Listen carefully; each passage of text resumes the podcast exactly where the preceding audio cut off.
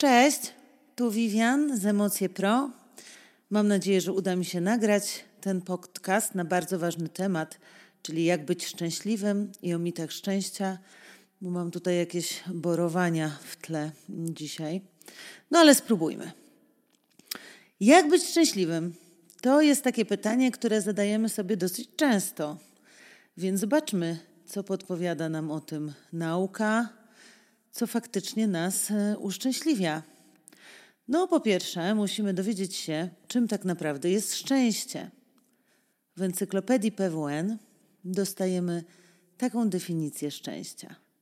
Szczęście, filozofia, psychologia, pojęcie niejednolicie definiowane, używane w znaczeniu zdobycia najwyżej cenionych społecznie dóbr i przymiotów, trwałego zadowolenia z życia, połączonego z pogodą ducha, optymizmem, poznawczej oceny własnego życia jako udanego, wartościowego i sensownego, pomyślnego bilansu doświadczeń życiowych. Dalej czytamy. W naukach społecznych szczęście jest rozumiane jako emocjonalne i lub poznawcze zadowolenie z własnego życia, subiektywna jakość życia, dobrostan psychiczny. No właśnie, czyli potocznie często kojarzy nam się szczęście z dobrami różnego rodzaju. No ale jednak musicie to chyba przyznać, że raczej ludzie kojarzą to z takimi dobrami zewnętrznymi, że rzeczy zewnętrzne dadzą nam szczęście. Jak, jeżeli byście przeczytali ten wpis na stronie PWN-u, to zobaczycie, że tak naprawdę mm, to liczenie na te zewnętrzne rzeczy, żeby dały nam szczęście, to droga donikąd i że to wiedziano już od starożytności, że szczęście możemy mieć tylko wewnątrz siebie. No i dziękuję, tutaj możemy zakończyć. Dziękuję za uwagę, możecie się rozejść. no jasne. My nie chcemy zakończyć na jednej definicji, nie chcemy zakończyć na tym, co mówili filozofowie. Chcemy raz na zawsze uwierzyć, że faktycznie tak jest, no a poza tym dowiedzieć się czegoś więcej. Stąd ten artykuł i stąd to nagranie. Rodzaje szczęścia. Zacznijmy od rodzajów szczęścia. No, jak zwykle w psychologii i w naukach społecznych rozkosznie skomplikowana jest ta sprawa. Oczywiście, jak żeby inaczej, nasi kochani naukowcy badają szczęście na każde możliwe sposoby. Dlatego mamy różne podejścia do tego ważnego obszaru badań. No przecież. Rodzaje szczęścia. Ponieważ mamy wiele koncepcji, dlatego zrobiłam eklektyczny dosyć faktycznie research. No jednak wybrałam nie tylko te, które najbardziej mi się podobały, ale też te, które są poparte badaniami naukowymi. Natomiast jeżeli sobie poszukacie, pogooglacie, to możecie trafić na różne podziały, na różne jakby rodzaje szczęścia. 4, 7, XYZ, dowolna liczba. Tyle rodzajów szczęścia możecie znaleźć. Jednak z grubsza najczęściej powtarza się taki podział na takie dwa podstawowe rodzaje szczęścia. Czyli szczęście eudaimonistyczne, eudaimonistyczne oraz hedonistyczne. To są te dwa podstawowe podziały. Szczęście eudaimonistyczne to jest taka bliska mi osobiście koncepcja szczęścia, którą samą dla siebie nazywam zadowoleniem, takim zadowoleniem z życia. Bo takie typowe szczęście kojarzy mi się bardziej z takimi chwilami, które są ulotne, no ale to jest jakaś moja własna definicja, moje własne przemyślenia. Eudaimonia życie w zgodzie ze swoim wewnętrznym daimonem, duchem. Więc jako fanka Junga, jednorożców oraz filmów dla dzieci i ogólnie bujająca w obłokach, lecz twardo stąpająca po ziemi. Oczywiście, że jest to bliskie mojemu serce, sercu, ten daimon, ten wewnętrzny duch, z którym mamy żyć w zgodzie. Nasz daimon no, zobaczymy, czy pieski mi pozwolą dokończyć. Te tuptania, co słyszycie w tle, i jakieś sapania i inne, to są właśnie moje psy. Jeszcze raz.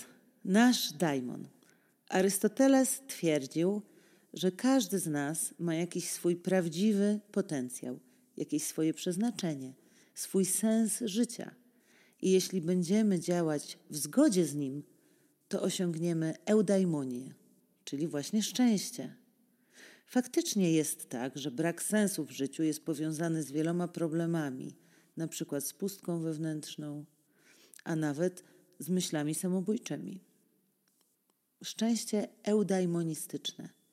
Naukowcy, którzy badają ten rodzaj szczęścia, definiują je jako wysoki poziom autonomii, czyli możemy sami decydować o sobie i w ogóle podejmować decyzje, potrafimy kierować sami sobą i swoim życiem. Dobre radzenie sobie ze swoim środowiskiem, czyli wiem, jak zasoby mogę wykorzystać i jak sobie radzić z tym, co jest wokół mnie. Rozwój osobisty, no czyli właśnie praca nad sobą, nad swoimi emocjami, relacjami, cele w życiu, czyli musimy wiedzieć, dokąd zmierzamy, akceptację siebie i oczywiście, jak zwykle, dobre relacje z innymi ludźmi.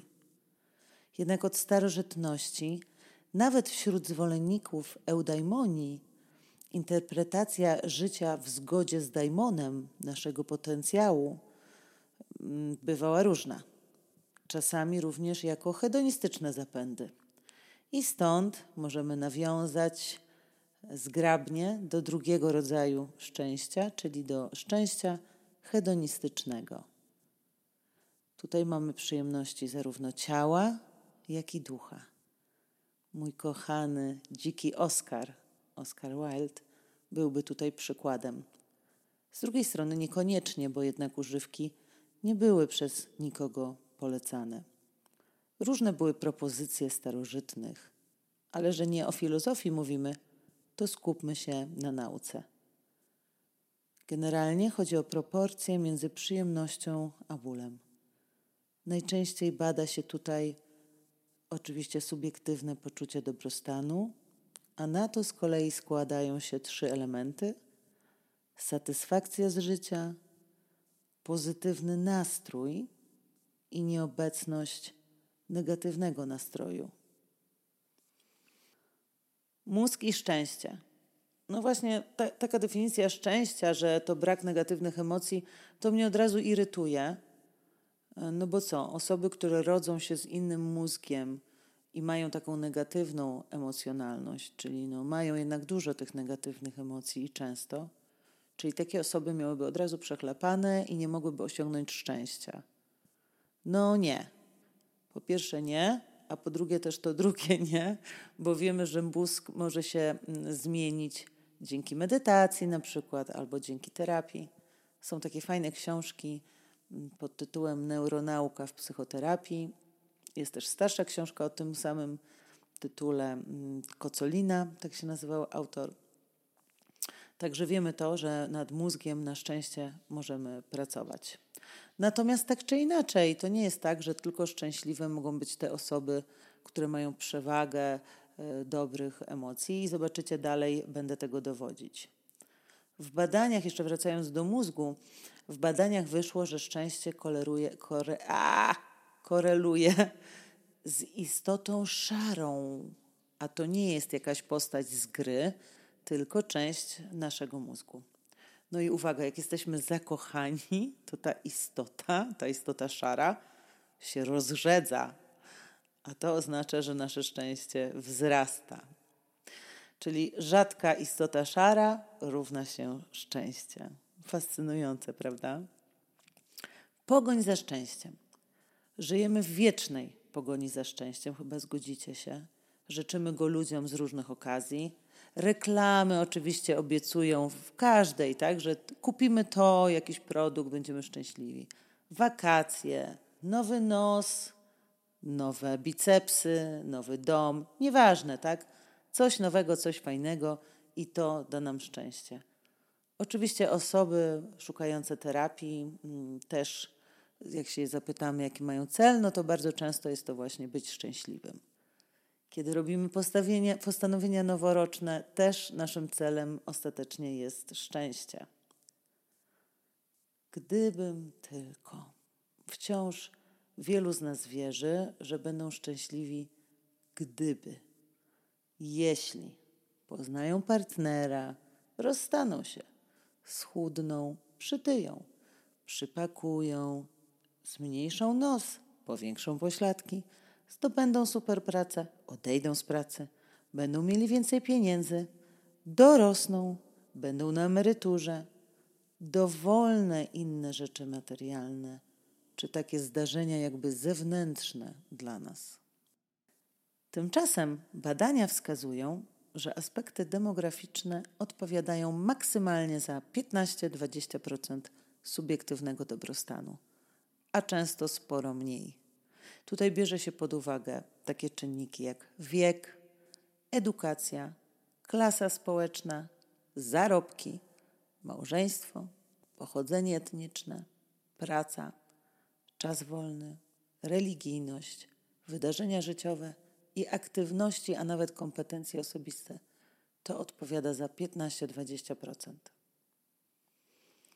Częste przekonanie jest również: będę szczęśliwa dopiero, kiedy kogoś poznam. A badania mówią z kolei, że to single mają lepsze relacje rodzinne oraz przyjaźnie, o które dbają przez lata. Natomiast małżeństwo daje nam szczęście samo z siebie jakieś dwa lata. Reszta to już jest ciężka praca, którą musimy włożyć, by związek rozwijać, a potem o niego dbać. Będę szczęśliwa, ale dopiero kiedy zarobię dużo pieniędzy. Oczywiście mamy badania, gdzie porównywano osoby, które wygrały na loterii z osobami, które mm, uległy na przykład wypadkowi oraz z grupą kontrolną.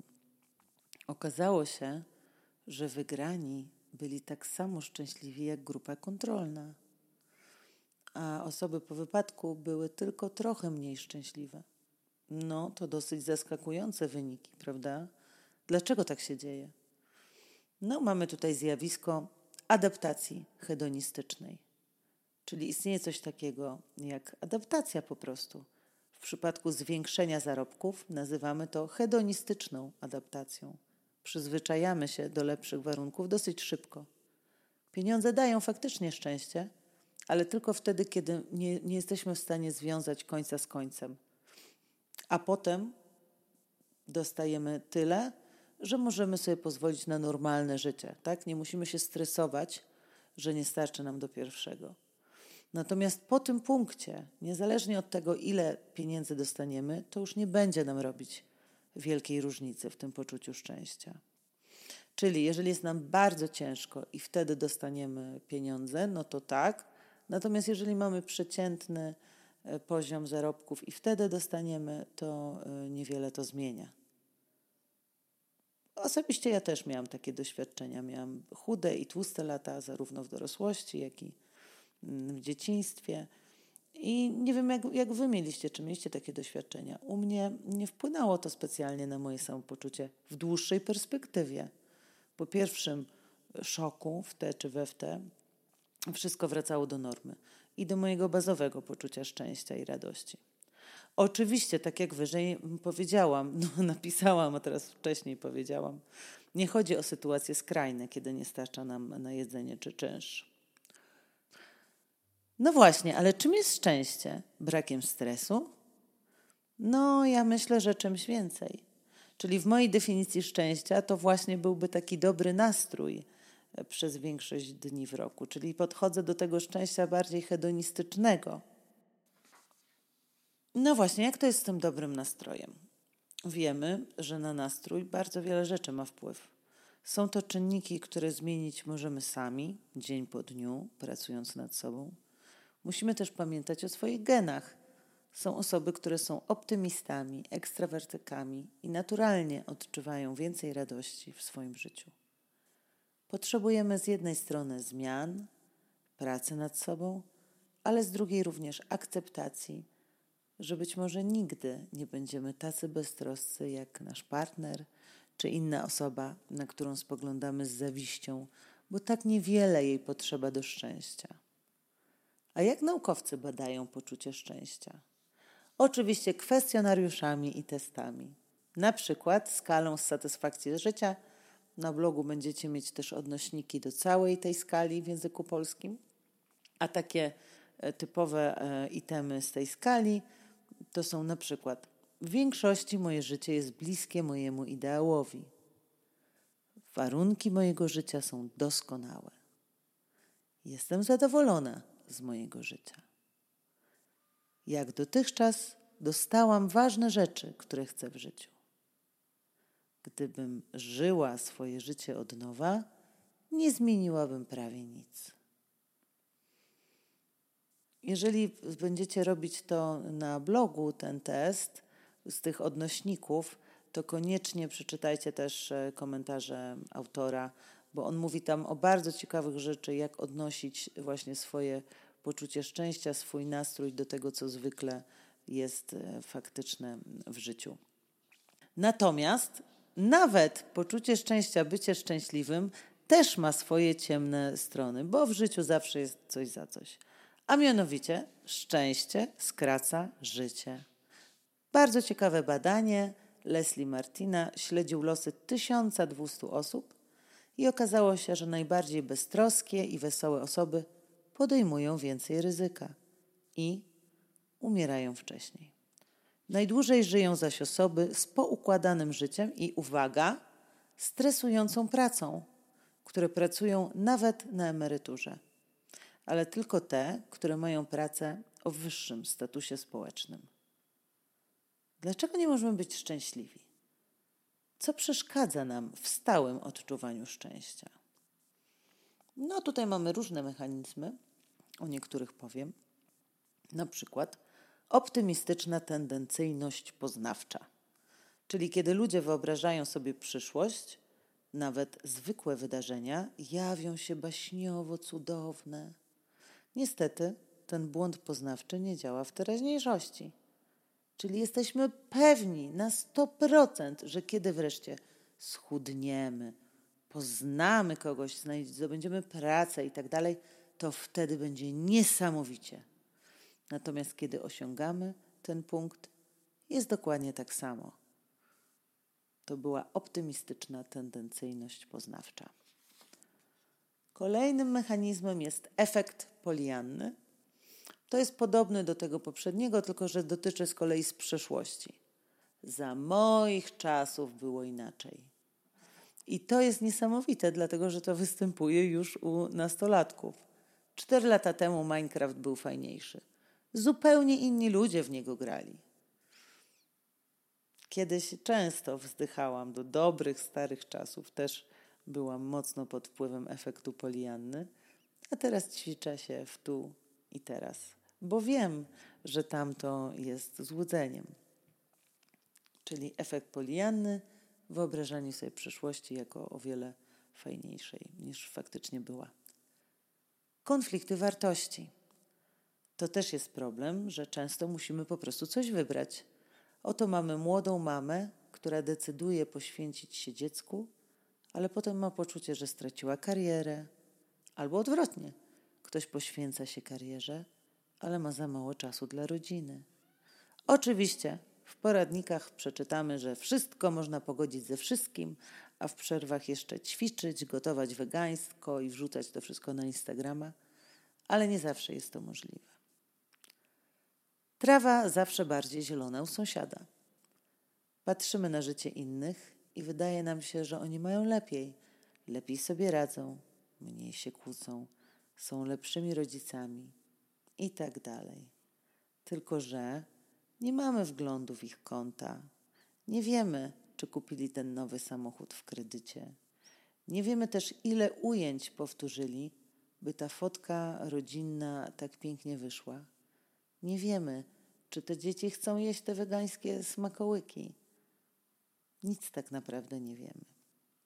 Ale zakładamy, że u innych jest super. No i ewolucja. System zdobywania zasobów pcha nas naprzód. Chcemy więcej i więcej.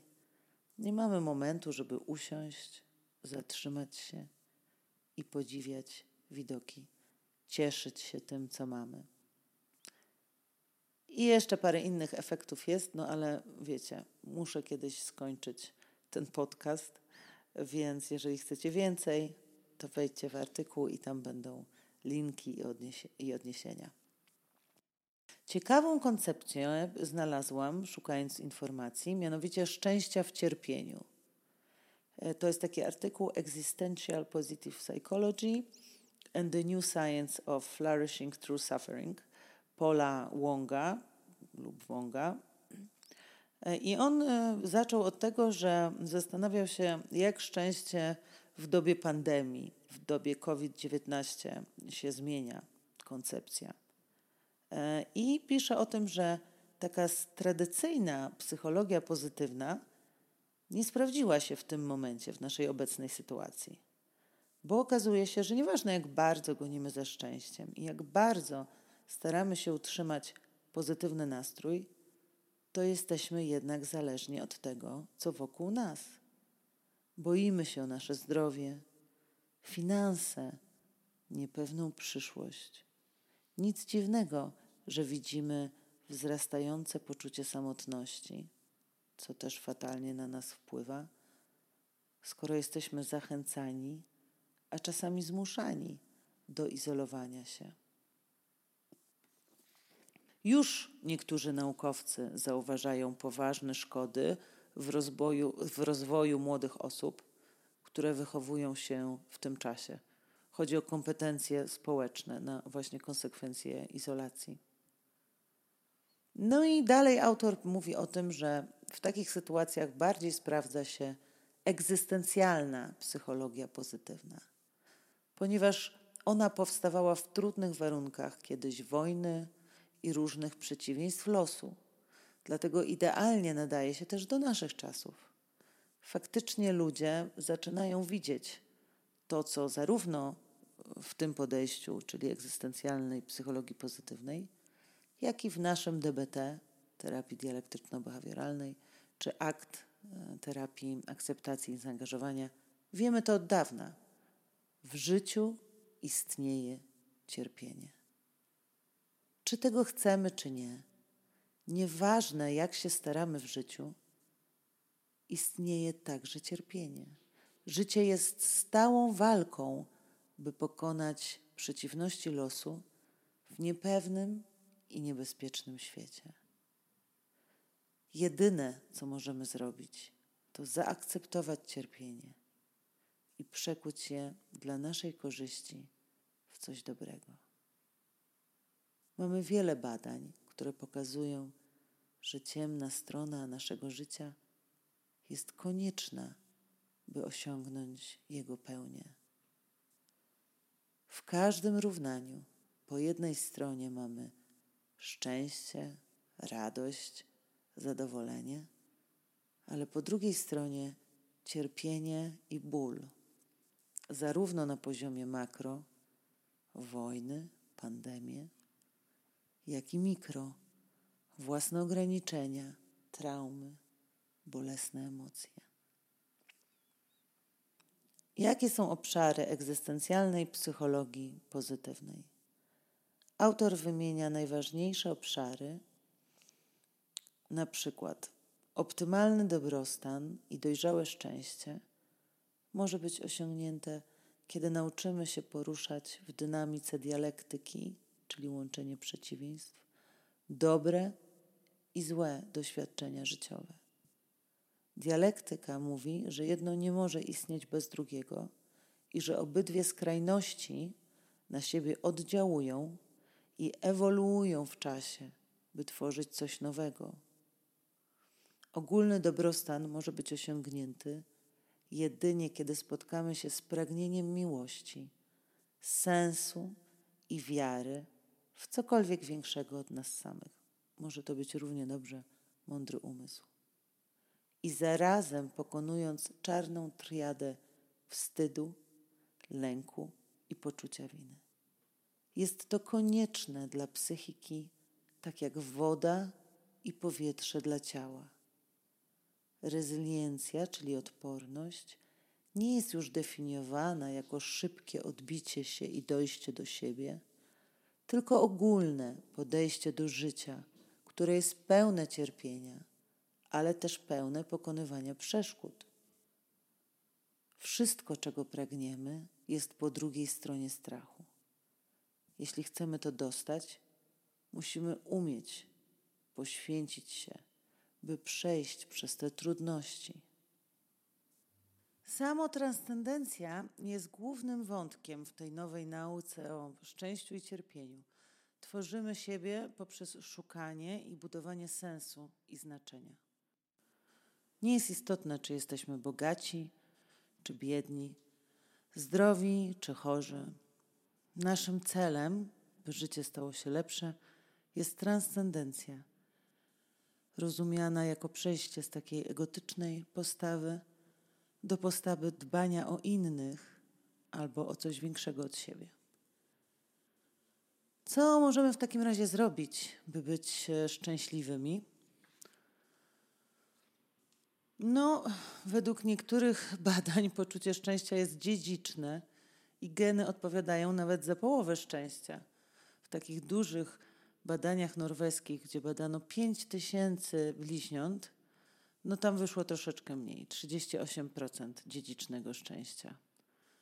Natomiast podsumowując wiele różnych badań, możemy założyć, że za 40 do 50% szczęścia odpowiadają geny, w tym za afekt pozytywny, negatywny oraz satysfakcję z życia. Na szczęście nie jest to stabilne w czasie, bo tylko 30% tej zmienności utrzymuje się przez dłuższy okres. Więc oznacza to, że możemy i warto pracować nad swoją osobowością, by zwiększyć swój dobrostan i poczucie szczęścia. A czynniki wiążące się z poczuciem szczęścia, takie osobowościowe, to innymi ekstrawertyzm. A więc, drodzy introwertycy, nie macie tutaj żadnych argumentów na swoją obronę. Warto zachowywać się inaczej i dążyć do bycia bardziej ekstrawertywnym. A zresztą sam Carl Gustav Jung, który wymyślił pojęcie intro i ekstrawersji, w swojej wspaniałej, jedna z moich ulubionych książek, Typy psychologiczne, tam już pisał, że celem rozwoju, celem tak, rozwoju osobowości introwertyka jest rozwój ekstrawersji, zachowań ekstrawertywnych. Mm, jeżeli poważnie podchodzicie do szczęścia, to na pewno jest wiele książek, które warto przeczytać. Ja zacznę od absolutnego obowiązku, czyli Księgi Radości, którego autorami e, są Dalai Lama, Desmond Tutu e, i Douglas Carlton Abrams. A jeżeli macie możliwość, posłuchajcie anglojęzycznego audiobooka. Jest naprawdę cudowny i sam w sobie może już nam dać większe poczucie szczęścia, a na pewno dużej ulgi, jeśli cierpimy z powodu negatywnej emocjonalności. No niestety, jeśli chcecie czuć szczęście, to samo się nie zrobi. Trzeba ruszyć tyłek i popracować nad tym. Inną fajną książką jest Pułapka Szczęścia, absolutnie niezawodnego Rasa Harrisa, wydana przez, uwaga, Studio Astropsychologii. Takie to jest wydawnictwo. Co tam pisze Ras Harris? No, między innymi pisze o tym, jakie bzdety wściska nam nasza kultura, ucząc nas mitów na temat szczęścia, które nas tak naprawdę unieszczęśliwiają. Jakie to mamy te mity i bajeczki o szczęściu? Tak jak każde mity, mamy też mity o emocjach czy o relacjach, są to nieprawdziwe i toksyczne historie, które opowiada nam nasz własny umysł, bo sprawiają, że mamy nierealistyczne oczekiwania wobec świata, innych ludzi, samych siebie. No i teraz będę wymieniać te mity. Mit pierwszy. Szczęście jest naturalnym stanem ludzkim. No nie, to nie trzyma się kupy. Co dziesiąta osoba podejmuje w którymś momencie swojego życia próbę samobójczą. Co dziesiąta osoba. Jeden na pięć będzie cierpiał z powodu depresji.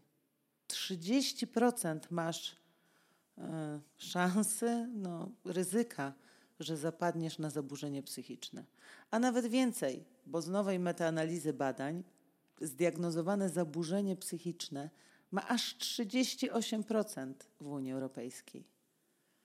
A gdzie tutaj normalne doświadczenia ludzkie, które potrafią nas tak przybić, że żeby podnieść się z łóżka potrzebowalibyśmy holownika? Śmierć, samotność, rozwód, problemy z dziećmi, problemy związkowe, rozstania, przemoc, izolacja społeczna, stygmatyzacja, złe decyzje. No więc tak, szczęście nie jest naturalnym stanem ludzkim. Kolejnym mitem jest: jeśli nie jesteś szczęśliwy, to coś musi być z tobą nie tak. No, w naszej kulturze cierpienie psychiczne uważa się za coś nienormalnego, podobnie jak emocje czy wrażliwość. A więc, kiedy mamy mega doła, zwykle jeszcze sobie dowalamy, że to jest na bank nasza wina, bo przecież wszyscy są tacy szczęśliwi na Facebooku, Instagramie i w filmach. Tutaj pomaga nam podejście ACT, czyli Acceptance and Commitment Therapy, terapia akceptacji i zaangażowania, która mówi, że nasz własny umysł jest taką sprytną pułapką, która nas ładuje na tą minę. I to ewolucyjnie ma sens, jeśli przypomnimy sobie o tym, że szczęśliwi żyją krócej. Często powtarzam, pewnie z jakimś mądrzejszym niż ja, ale nie pamiętam za kim, że Twój umysł ma w nosie Twoje szczęście. On chce tylko, żebyś przeżył, nieważne w jakim stanie. Tak, to są cele ewolucyjne. Przeżycie, a nie szczęście. Kolejny mit.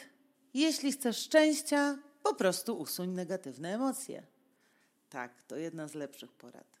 Cierpisz? No i co? Po prostu zacznij myśleć pozytywnie.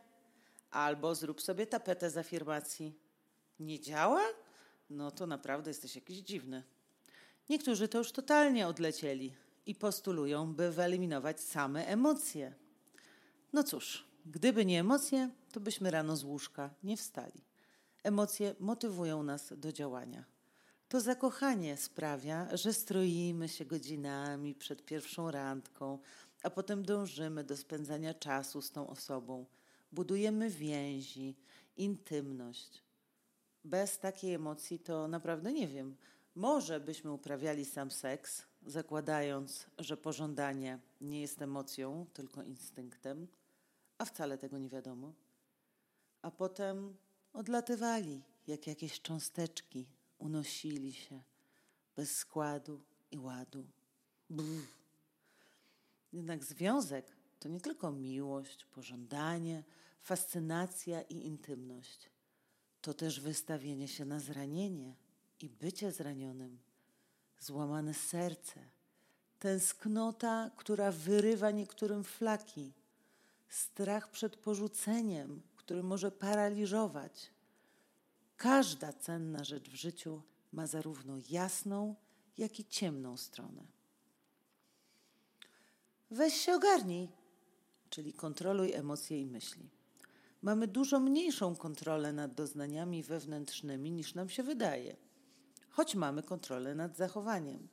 Natomiast większość poradników mówi o kontrolowaniu uczuć i myśli negatywnych, tak zwanych.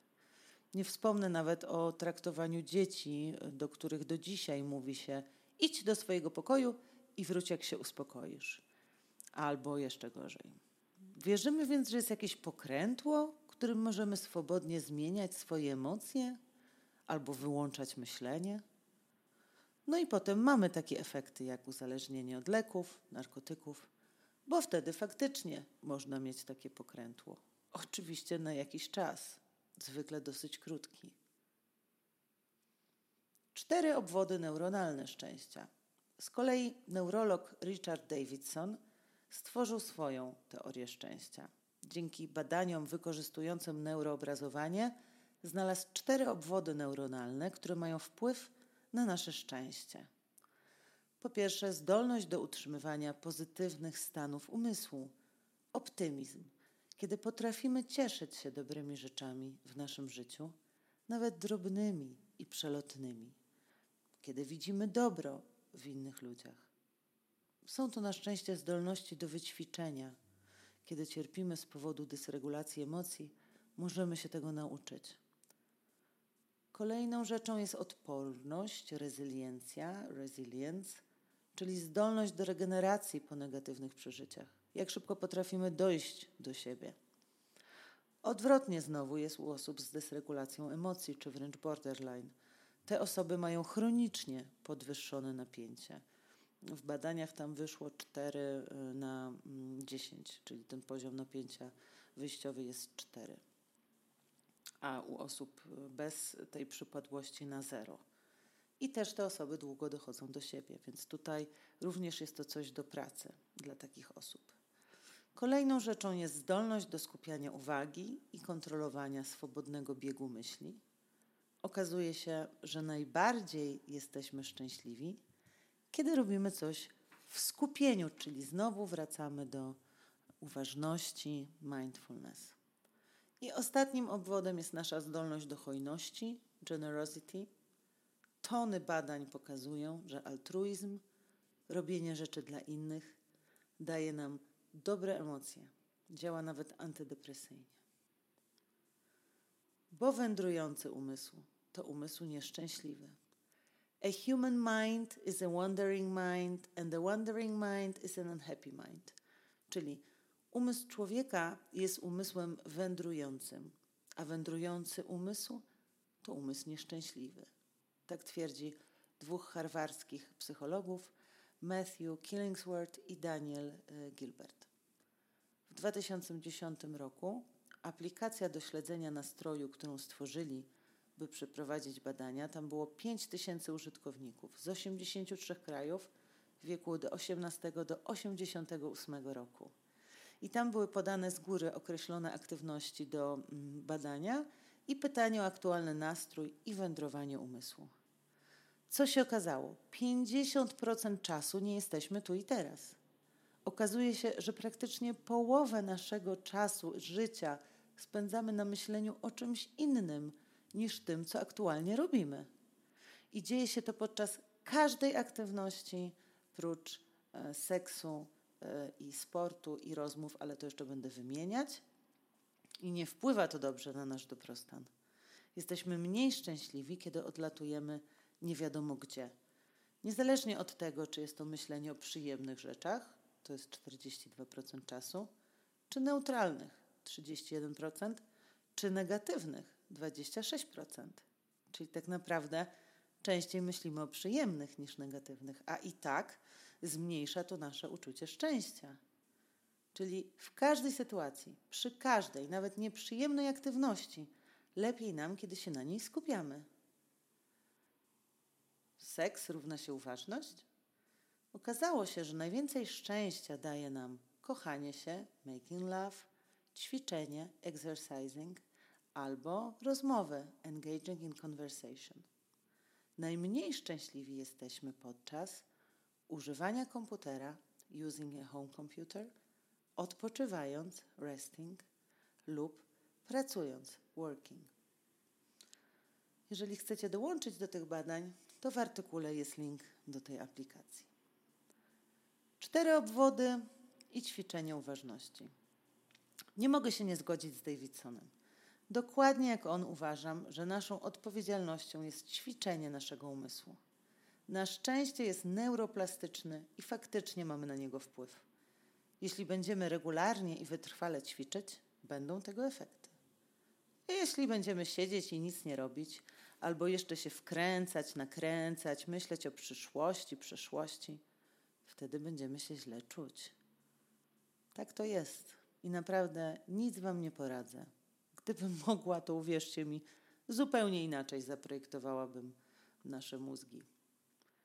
Z badań Davidsona wynika, że około 6-7 tysięcy godzin trzeba, by stać się bardziej odpornym.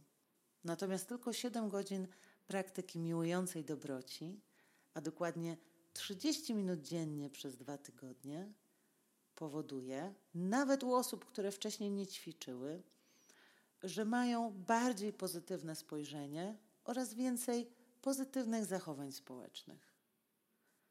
No dobra, i co teraz?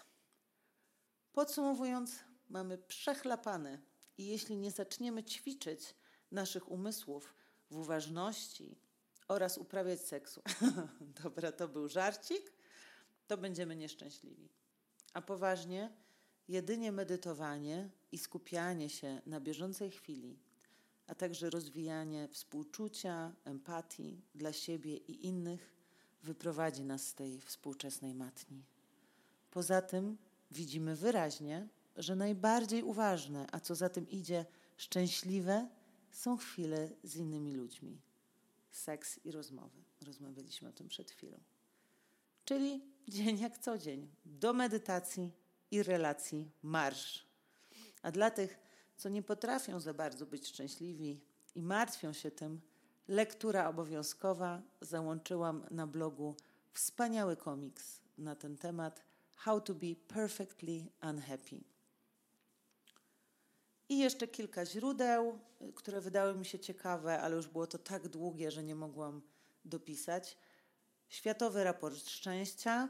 Bardzo ciekawy raport, jak poczucie szczęścia wpływa nie tylko na nas, ale wręcz na otaczający nas świat. Na przykład, y, jak głosujemy, preferencje wyborcze. Jest tam też sporo o uzależnieniach i o tym, jak nasze życie online wiąże się z poczuciem nieszczęścia. Są tam też dane dotyczące naszego kraju, więc naprawdę polecam przeczytanie sobie tego. Niezależnie jednak od statystyk, e, przecież wiemy, że każdy z nas bardzo, bardzo pragnie szczęścia. Mimo to warto zapoznać się, jak to wygląda w zależności od kraju, w którym mieszkamy. Drugi tam jest załącznik, jak zniekształcamy rzeczywistość, czyli co działa na naszą niekorzyść na co dzień. I też załączyłam bardzo ciekawy tekst Daniela Gilberta o szczęściu, rzecz jasna. Mam nadzieję, że podcast Wam się podobał, mimo e, tych wszystkich atrakcji w tle, e, dlatego że to mnie zwykle hamuje przed nagrywaniem, że nie jest dość cicho. Więc mam nadzieję, że teraz już się przełamałam i nie będę się e, martwić tym. I mam nadzieję, że Wy również tym się nie przejmujecie. Do usłyszenia niebawem. Życzę Wam pełnych szczęścia dni, ale też akceptacji jeśli tego szczęścia aktualnie Wam brakuje. Cześć!